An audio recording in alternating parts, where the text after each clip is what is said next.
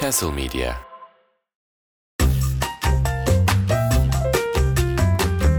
Spor Kulübü Müzikten reklama, sinemadan çizgi romana kadar sporun popüler kültürle kesişen yolculuğunda Spor Kulübü üyelerini ağırlıyor. Hazırlayan ve sunan Tuğçe Özdenoğlu.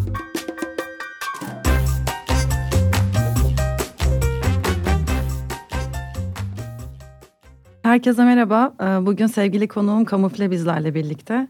Konuşmak için uzun zamandır sabırsızlandığımız bir konumuz var. Ee, Ama konuya girmeden önce biraz kendisi bu ara neler yapıyor onları merak ediyorum. Hoş geldin. Hoş buldum. Teşekkür ederim. Ne yapıyorum? Albüm yapıyorum. Abaküs'le beraber. Bir ortak albüm yapıyoruz. Onun şarkılarını yazmaya başladım. Kayıtlarını alıyorum. Onun dışında işte evdeyim mahallede. Basketbol oynuyorum arkadaşlarımla. Böyle küçük videolar falan çekiyoruz ufak ufak. O şekilde. Arada Kadıköy'e git gel. İşte Kadıköycülük falan. Öyle geçiyor zaman. Düzenli bir basketbol serüveni var mı şu aralar? Şu aralar düzenli basketbol serüveni biz Gıybet Balls diye bir şey yapıyoruz. Benim çocukluk arkadaşım var İlker. O da atletik performans antrenörüdür. Besyo mezunu.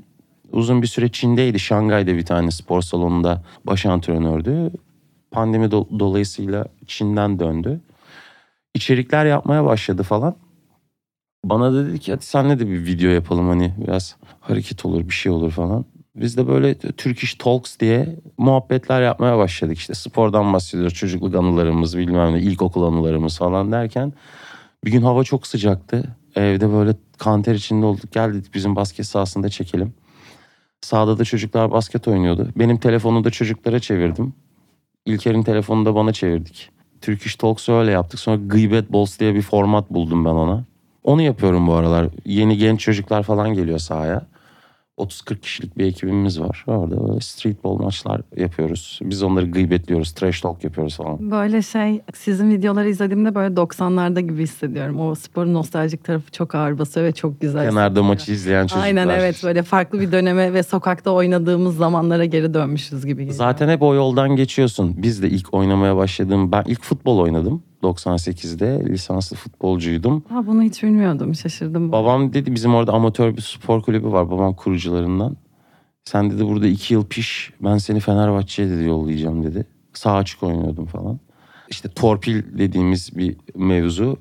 Kaptan abi var babamın arkadaşı böyle gemi kaptanı falan. Fenerbahçe'nin kantinlerinden mi ne sorumluymuş bir, bir işi varmış böyle Fenerbahçe'de. Onun sayesinde Fenerbahçe'ye girecektik sözde. Adam vefat etti. Ben de böyle amatör kümede kaldım. Gidemiyorum bir yere. Sonra mahallede basketbol oynarken ben işte bir tane adam aldı bizi Tofaş'ın seçmelerine götürdü falan. Orhun Ene seçti beni. Oo. O zaman kaç yılıydı? 2002 falandı yan, yanılmıyorsam. 2001, 2002. 2002 idi ama. Sonra işte Unibasket, MVP, işte Darül Cize, Milli Olimpiyat Komitesi falan böyle küçük küçük oynadım yani. E Peki futbolla bağın oradan sonra tamamen kesildi mi? Hiç Yo futbol oynadım. Futbol oynadım ama Büyük Beşiktaş taraftarıyımdır ben. Hala da maçlara giderim. O ayrı bir sevda bende. Ama artık oynayamıyorum. Maalesef fiziksel olarak göğünüm el vermiyor futbol oynamaya. Ama arada basketbol oynuyorum işte. Oyun kuruyorum, pas atıyorum, şut çekiyorum falan. Öyle küçük küçük şeyler yapıyorum. Eskisi kadar olmasa da. Çok keyifli. O zaman e, çok doğru bir noktada buluştuğumuzu düşünüyorum. Ben bizi buradan alıp birazcık boksa ve asıl senin zaten mesleki alanın olan rap ve hip hop tarafına e, bağlayacağım konuyu. Bugün biraz Muhammed Ali'den bahsedeceğiz. Ama aslında Muhammed Ali'nin dövüşlerinden veya kariyerindeki diğer başarılarından çok biraz rap müzikle olan ilişkisi ve hip hop kültürünü nasıl etkilediği üzerine konuşmak istiyorum. Daha önce okuduğum bir kitap vardı. Hatta e, bölümün konusu ve ismi de biraz oradan geliyor. Rap'in ilk ağır siklet şampiyonu Muhammed Ali diye. Evet. Beni çok etkilemişti.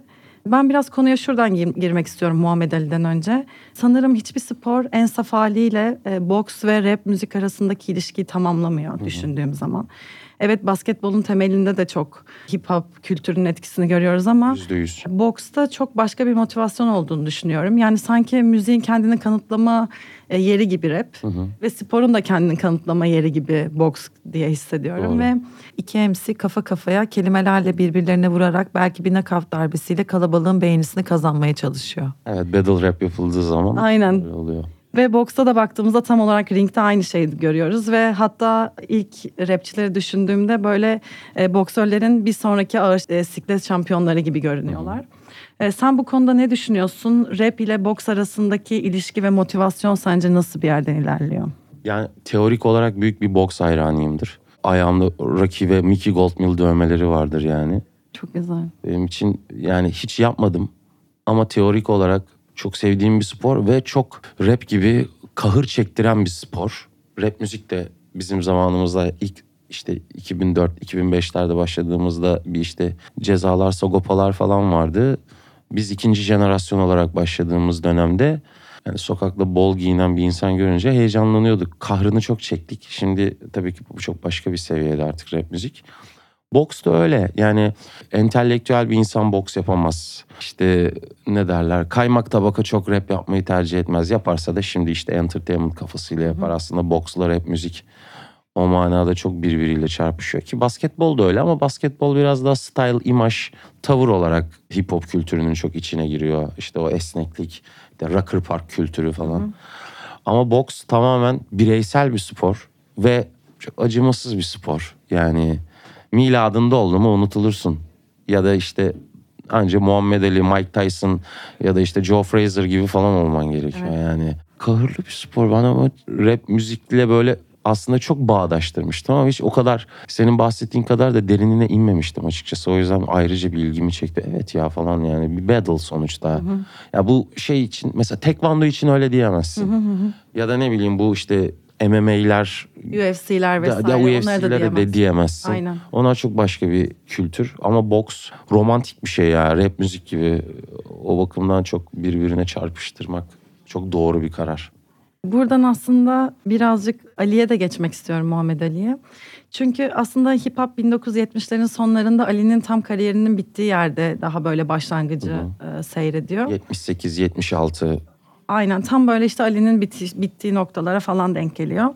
Fakat baktığımızda Ali'nin e, rap'in manevi babası olmasına çok da engel bir süreç değil bu. Çünkü öncesinde birçok hip hop sanatçısını ve işte hip hop kültürünü etkilemeye başlıyor.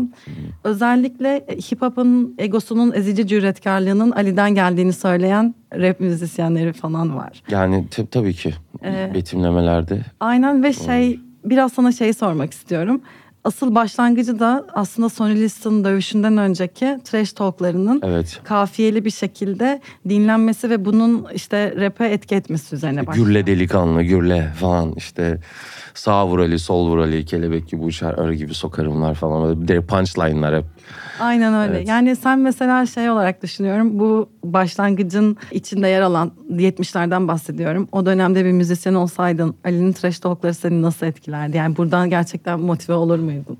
Yani rap yapmaya başladığında ilk böyle motivasyon kaynaklarımdan bir tanesi de şimdi günümüz MC'leri ya da işte 80 dönemindeki MC'ler dışında bu müzik nereden geldi? Bu kültür nereden geldi dediğimde işte bu caz müzikler, blueslar, soul'ler, funk müzikler. O yüzden bende işte Gil Scott Heron'lar, James Brown'lar daha hip hop'un babası şeyini almıştır. Ama işte basın toplantılarında Muhammed Ali'nin işte rakibini böyle yermesi için yaptığı özel evde hazırladığı kafiyeler falan vardır. Böyle bayağı raptir yani. 8 barlık rapler falandır. Ne bileyim öyle bir şeyle karşılaşsam bir de yani karşınızda da Muhammed Ali var. Hani karşılık veremezsin çünkü öyle bir kültür daha doğmamış. Adam keşfetmiş. Hani ben de sana kafiyeli bir cevap vereyim diyemez bir boksör. Çoğu boksör çünkü genelde böyle eğitim seviyesi düşük, taşradan gelmiş insanlar oldukları için Muhammed Ali biraz daha eğitimli, ailesi daha böyle seküler işte babası ressammış, kilise boyuyormuş falan yani adamın.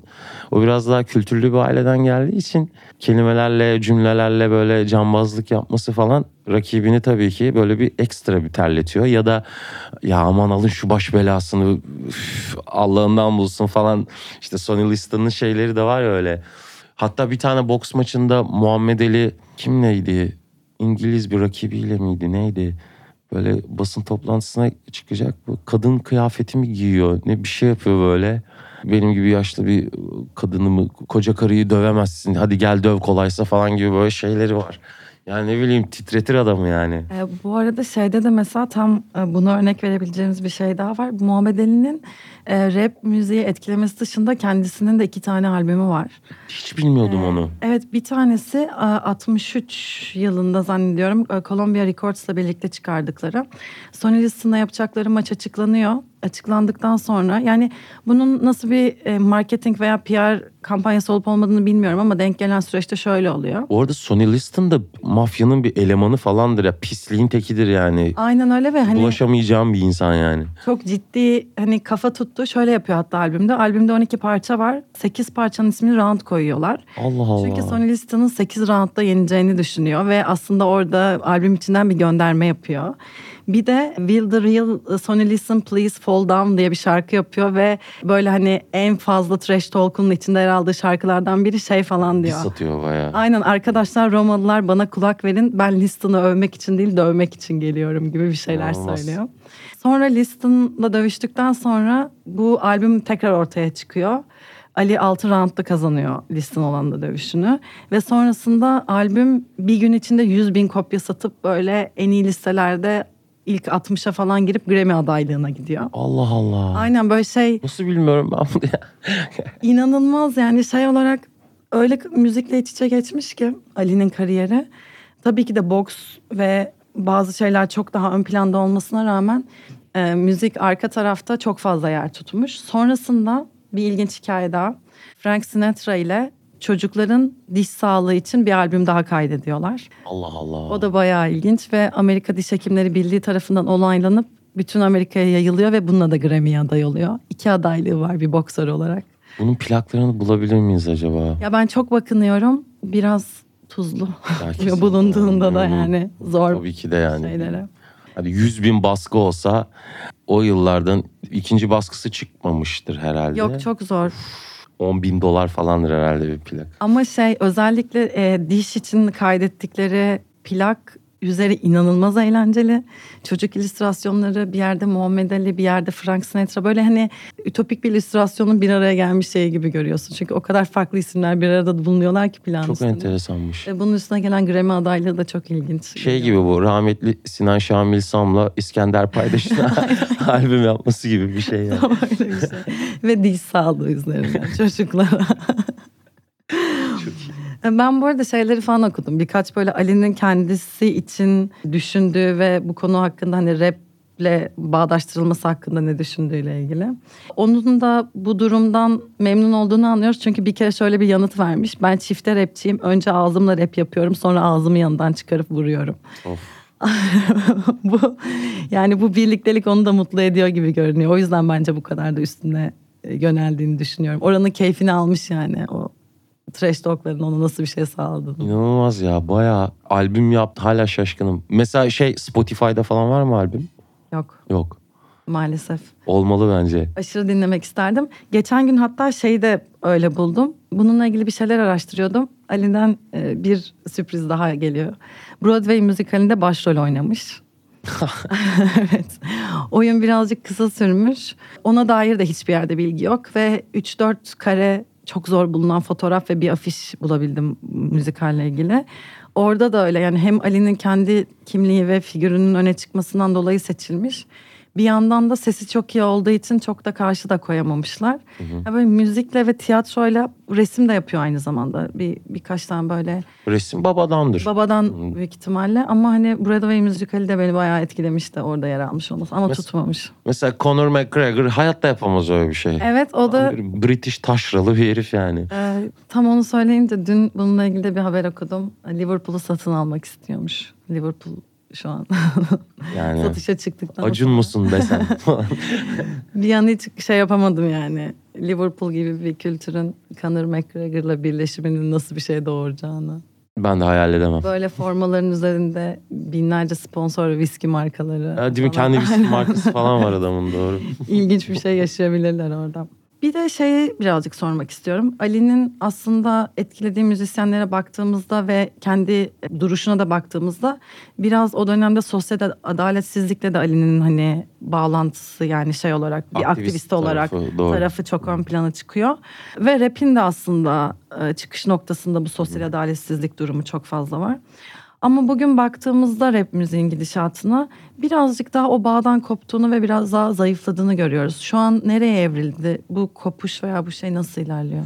Yani aslında aktivist olduğu dönemlerde de Muhammed Ali birazcık darbe yedi yani işte Elijah Muhammed, Malcolm X arasında kaldı. Hangisi doğru hangisi ya şey gibi işte bu tarafta işte FETÖ'cüler var bir tarafta bilmem neler var gibi böyle bir arada kalmışlığı da var Muhammed Ali'nin. Şimdi her şeyden ziyade işte Michael Jordan gibi işte Muhammed Ali gibi figürler yani dünyaya böyle mühür koymuş insanlar.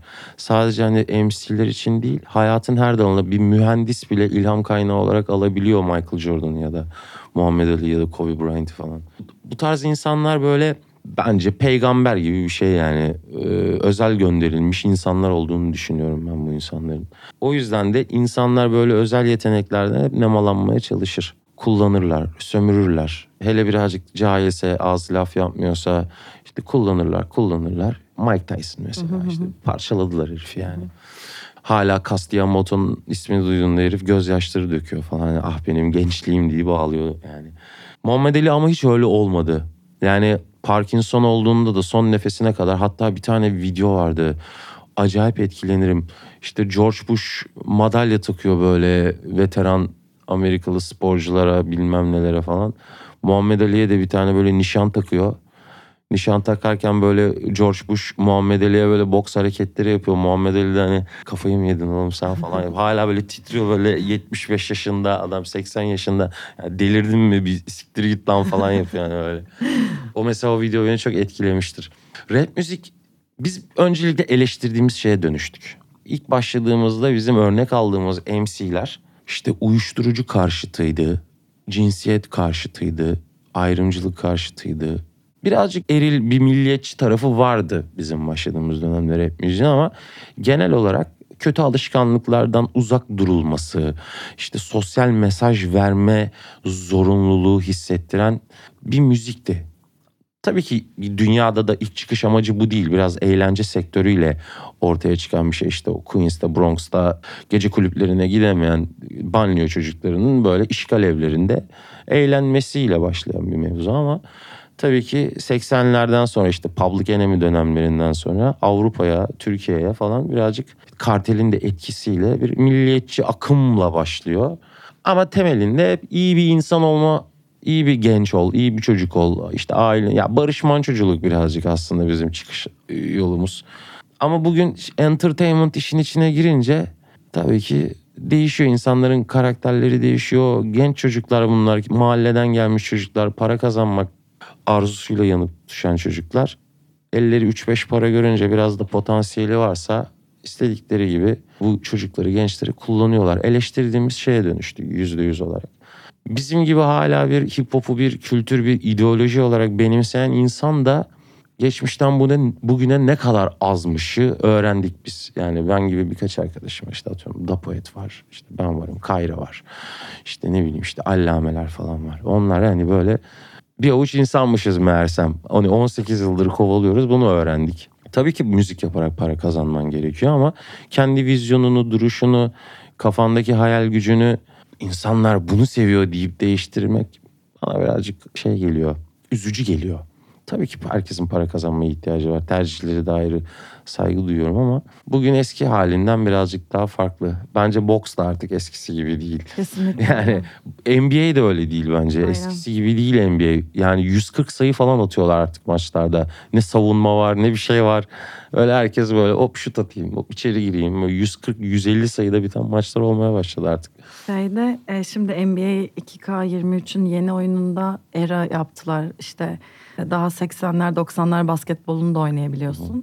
Ve oyunun içinde bir anda 80'lerden 2000'lere işte 90'lardan 2000'lere geçtiğin zaman adaptasyon sorunu yaşıyorsun. Sanki Gerçekten mi? Başka bir oyuna geçmişsin gibi. Daha oynamadım. Ya, bu arada çok iyi yapmışlar. Özellikle grafikler de inanılmaz durumda. 80'leri açtığında bayağı 80'ler grafiği hani sepya mı oluyor aynen, öyle? Şey aşırı grenli. O efekti kapatmadan oynamak bile çok zor yani. Gözlerin zor görüyor Allah gerçekten Allah. oyunu. Oradaki oyunun oynanış biçimi sonra 90'lara geliyorsun yeni değişiklikler. 2000'lere geldiğinde zaten sadece üçlük atan oyunculara dönüşmeye başlıyor. Ağır savunma. Boyalı alanın çok fazla kullanılmadığı, şovların biraz daha azaldığı ama işte düşerken üçlüklerin atıldığı bir noktaya geliyor. Oyun çok keyifli. Orada da o NBA deyince dediğin gibi bir şeylerin başladığı yerde hiç kalmadığını yavaş yavaş daha fazla deneyimlemeye başladık. Yani tabii ki bu bir değişim. Şey de diyemiyorsun çocuklara hani sen rap yapma lan. Ya yapacak çocuk yani böyle seviyor böyle mutlu. İşte illa rapçi diye sen hip hop kültürünü biliyor musun lan falan da demek olmaz. Yani bilmiyorum. Ama rap diye bir şey var ve bunu seviyorum. Yani diyen çocuklar da çok fazla. O yüzden eleştiremiyorum kimseyi. Ama bazı değerlerin de ayakta durması gerekiyor. Biz de tutanlardan biriyiz yani.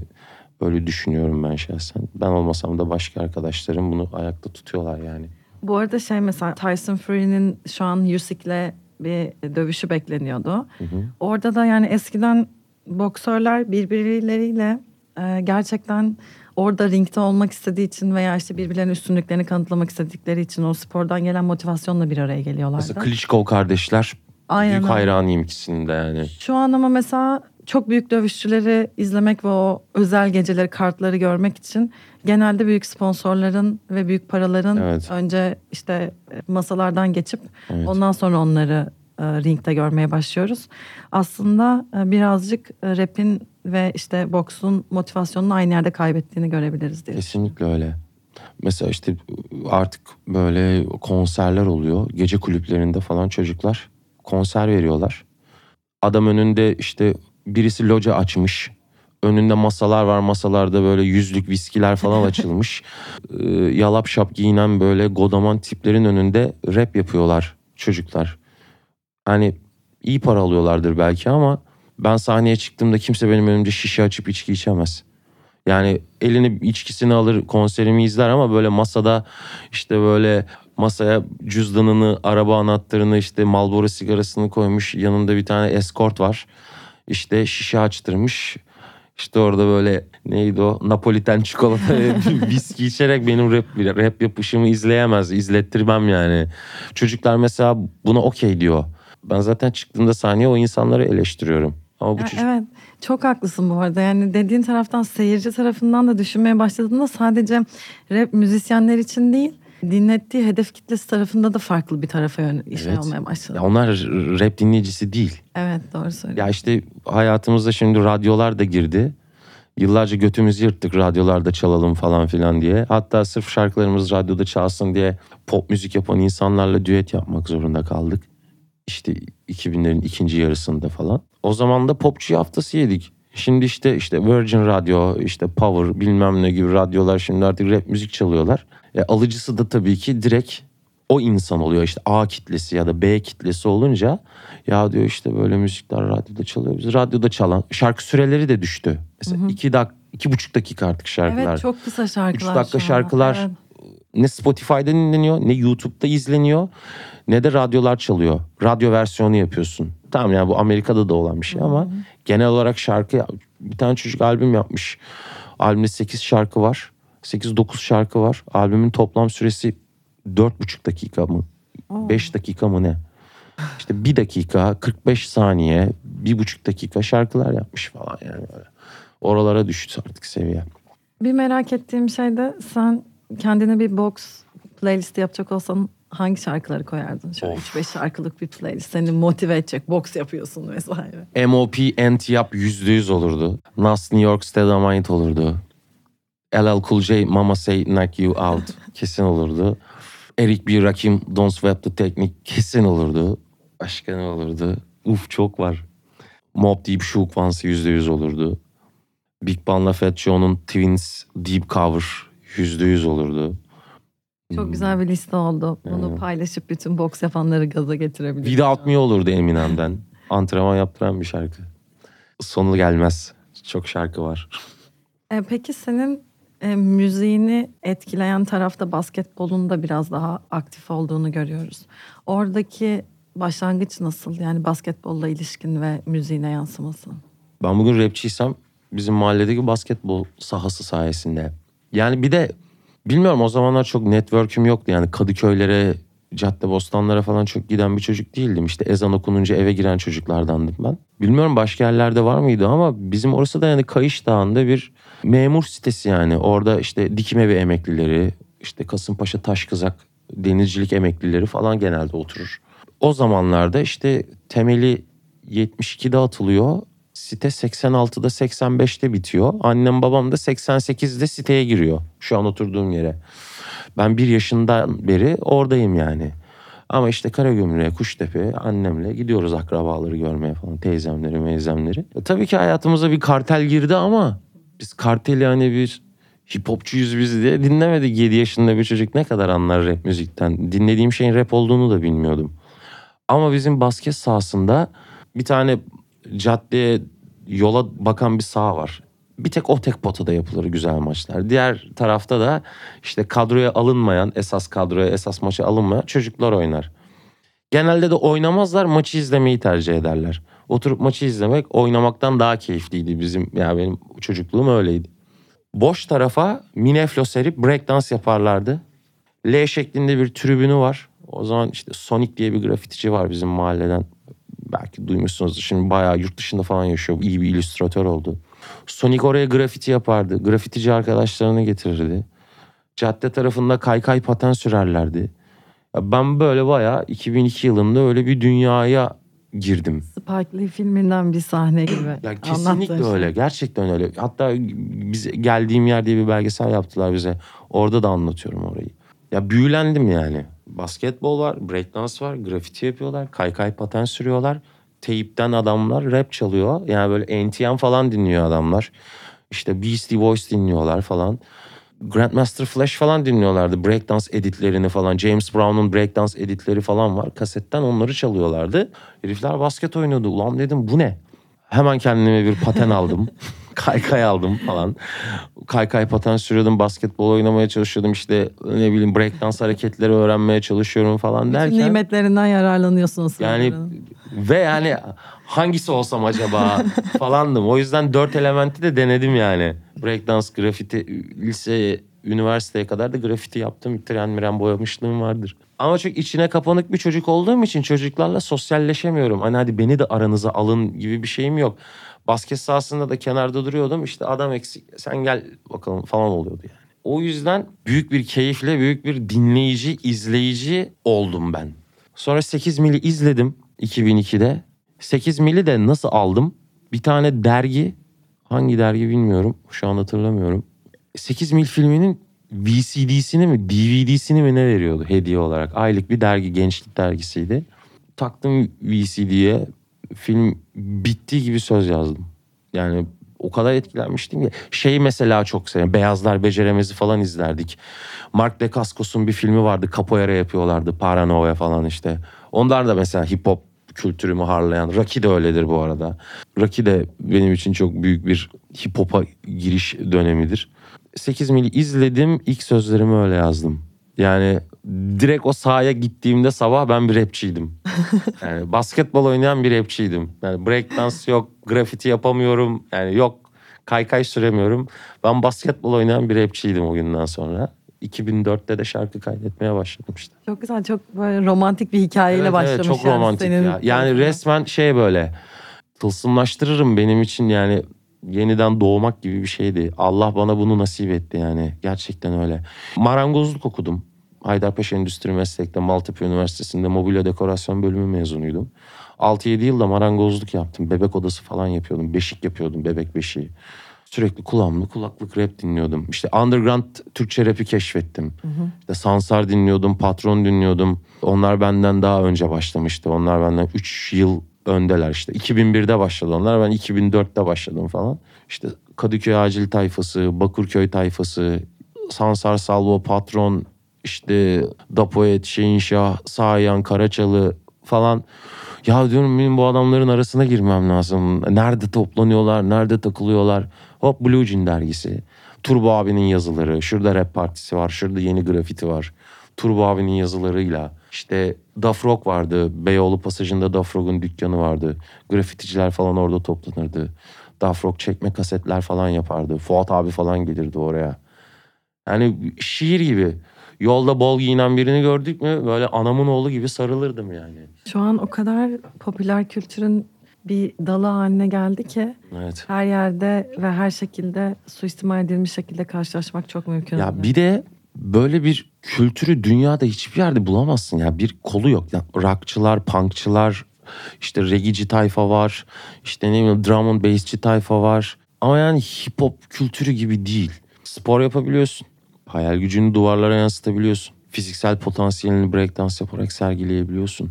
Hayal gücünü, kelime hazneni, ne kadar bilgili edebiyata hakim olduğunu rap yaparak insanlara kanıtlayabiliyorsun. Hazır cevap olduğunu freestyle yaparak insanlara doğaçlama yaparak kanıtlayabiliyorsun. Kendine ben buradayım dedirten tek kültür bence hip hop kültürü. Daha dün bir tane arkadaşımın stüdyosuna gittim karşıya Beşiktaş'a. Çocuklar artık entertainment yani rap kültüründen gelen çocuklar Bursalılar. Ama artık çok entertainment'a girmişler. Çocuk beatmaker ama artık böyle popçulara da prodüktörlük yapıyor falan. Ben de işte beatlerimi götürdüm. Onlar bana işte böyle dancehall, trap, işte drill beatlerini, şarkılarını popçulara yaptıkları drill prodüksiyonları falan dinletiyorlardı. Ben de benim MPC ile yaptığım beatleri açtım falan böyle. Ben de albüm yapıyorum dedim. İki demo dinlettim. Beatleri falan dinletiyorum. Sonra böyle rap yapmaya, freestyle yapmaya başladım. Bayağı kaptırdım kendimi böyle. Beş dakika falan freestyle yaptım. Çocuk böyle şey oldu. Ya abi dedi yani yıllardır ben freestyle dinlemediğimi fark ettim dedi. Yani stüdyodayız bir sürü rapçi geliyor sözde dedi. İşte şarkılar yapıyoruz bilmem neler yapıyoruz. Allah şükür çok güzel paralar kazanıyoruz ama abi dedi ben yıllardır freestyle yapan bir adam stüdyoda görmediğimi fark ettim dedi. Ama dedim ben de bir stüdyoya gidip freestyle yapmıyordum uzun zamandır. Evde yapıyorum hep. Ama dedim artık çocuk böyle duygulandı falan. Ya abi dedi ya. Rap varmış abi ya falan oldu yani çocuk böyle. Konserlerde de öyle freestyle yapıldığı anda seyirci coşuyor kendinden geçiyor. Yani o kadar özlenen ve Aynen. zor ulaşılan bir şey olmuş ki gerçekten. Ne kadar Herkes- anlamlı olması Evet, hiçbir önemi yok. yok. Sadece doğaçla yeter. Evet onun hemen hemen bir destek geliyor devamı gelmesi için. Ya biz de mesela bazen arada çok unutmam ama arada sözleri unuturum. Unutunca da öyle bir freestyle hemen patlatırım. Ya da işte orkestrayla sahneye çıkıyorsam şarkı biter. İşte bizim Orçun davul solosu çalmaya başlar. Hemen böyle şey gibi işte üstündeki kırmızı elbise "Ee, hadi gel bize bilmem ne yapıp böyle seyircilerden üstlerindeki başlarındaki ellerindeki alkolle böyle oradan kafiye alıp buradan buna çarpıştırıp sizi sizi monita yaparım falan deyip böyle freestyle'ler yapıyorum. Seyircilerin de çok hoşuna gidiyor o yani. Geçen gün bir arkadaşımla aramızda şöyle bir şey oldu. Senin şarkıları içindeki sözleri kullanarak 15 dakika birbirimizle anlaşmaya çalıştık. Böyle diyoruz ki hiçbir şekilde araya başka bir şey söylemeyeceğiz. Çünkü çok fazla dinliyoruz. Ben şey e, sorunumuz var çok ciddi. Benim favori şeyim uyandırma parçası benim. Çok ciddi sorunuz var. Oradan da şey sıkıcı ve monotona bağlandı konu. ve sonra işte yok yere hayale daldım falan diye devam ediyor. ve 15 dakika boyunca yanımızdaki arkadaşlarımız şimdi siz gerçekten kamufleni şarkılarıyla 15 dakikadır anlaşıyor musunuz? Evet evet biz birbirimizi çok iyi anlıyoruz. Kendi aramızda bir öyle freestyle'ımız var. İmkanı yok. Buradan son olarak e, yavaş yavaş programı kapatıyorum. Ali ile ilgili bir noktaya daha gelmek istiyorum. Beni etkileyen olaylardan biri. Çok sevdiğim bir fotoğraf var. Ali'nin The Beatles'la birlikte olan fotoğrafı. Hı hı. E, ve bu fotoğrafın hikayesi de beni çok etkiliyor. E, çünkü biraz kalp kırıcı bir hikaye. Beatles ekibi e, Sonny Liston ve e, Ali maçı öncesinde alana geliyorlar. Ve işte Beatles'ın hayalindeki şey Sonny Liston'la fotoğraf çektirmek. Liston da onlarla fotoğraf çektirmek istemeyip biraz iteliyor falan. Aa. Ve Beatles ekibi Ali'yi hiç tanımıyorlar o zaman. Çok daha başlangıcı zaten olayın. Ve sonra fotoğrafçı hani madem buraya kadar geldiniz Muhammed Ali ile Beatles'ın fotoğrafını çekelim diyor ve aslında 20. yüzyılın en büyük iki popüler kültür Evet. ikonunun bir araya geldiğinin Evet. bilinmediği hep şey diye düşünüyorum yani o zamanlar sosyal medya falan olsa demek ki ortalık yıkılırmış. Tabii ya. Aşırı bu şey yani o fotoğrafın şey beni çok etkiliyor. Çünkü şey gibi bir şey var aynı zamanda. Hani Ali'nin sadece rap müzikle değil genel anlamda müzikle bağlantısı da çok kuvvetli. Şey yani metronom gibi adamın Aynen hayatları o- zaten. Ritim, müzik, müziksiz. Ya iyi bir dinleyici olmadan momentum sahibi olamazsın. Bir ritim sahibi olamazsın. Gerçekten öyle. Yani aslında dövüşten çok dans ediyor gibi izliyoruz Kesinlikle ya. Ali'yi. Aynı zamanda kendisi çok sıkı bir Elvis Presley hayranıymış. Zaten şey derler Muhammed Ali için. Hani çok sert bir boksör değildi aşırı uzundu sikletine göre. Dans edip insanları yorup Gerçekten öyle. 8. rounddan sonra 9. rounddan sonra milleti yorduktan sonra paramparça ediyormuş. İşte şey diyorlar Muhammed Ali'ye böyle 80'lerdeyken Mike Tyson yeni yeni dünya sahnesine çıkıyor. İşte Mike Tyson hakkında soru soruyor yani yener miydin diyor. Yani çok güçlü bir boksör diyor. Yani yumruğundan kaçman gerekir. O yüzden onu 8 round yorardım diyor. Sonra saldırmaya başlardım falan diyor yani. Direkt kafasında çiziyor zaten rakibine karşı olan bütün opsiyonları kafasında yaşlıyken bile adam çiziyor yani. Evet gerçekten öyle. Yani şey gibi çocukken ben de basketbolla çok ilgiliydim ve çok seviyordum ve en sevdiğim şeylerden biri akşam gece NBA maçlarını izleyip ertesi gün Sabahında. okula gidip onları denemeye. Tabii. Neye deniyorsam bir de küçücük boyum var hani öyle bir şeye kalkışmamın imkanı yok. Ve aşırı heyecanlanıyorum falan. Gece işte uykuya yatmadan önce düşünüyorum bu işte şeyi arkadan top geçirmeyi nasıl yaptı, turnikeye nasıl girdi falan. Aa, ben de öyleydim ya. Yani- Böyle hayatımda smaç hiçbir zaman basamayacağım ama hani onun hayal ederek uyumak çok iyiydi yani çocukluk motivasyonlarında. Ataşehir tarafında işte Kamelya, Manolya siteleri falan var. Onların da böyle üç tane potası var. Büyük, orta, küçük. Yuvarlak basket sahaları var. Biz smaç basmaya oraya giderdik. İşte All Star maçı izlerdik ya da işte NTV'de gece maç izlerdik ya da NBA Action, NBA Jam izlerdik. Hadi beyler Ataşehir'e gidiyoruz deyip kısa potada bütün smaç skilllerimizi falan kullanır. Ellerimiz paramparça olurdu. Ben şeyden sonra saçma bir anı ama Dwight Howard'ın Superman kostümlü smaç yarışmasındaki performansından sonra kendime Superman kostümü alıp bunu yapabileceğime ikna etmeye çalışmıştım. Pikachu izleyip atlayan çocuklar gibi. O, o efsane bir smaç yarışmasıydı o ya. Nate Robinson almıştı sanırım onu değil mi? Evet. Doğru. Aynen. Şimdi şeyde yine o NBA 2K23'te de All Star yarışmaları var. Hı hı. Smaç dünyanın en zor şeyi ve bunu deneyimleyip kendinize çok gülmenizi istiyorum gerçekten. Umarım oynarsınız.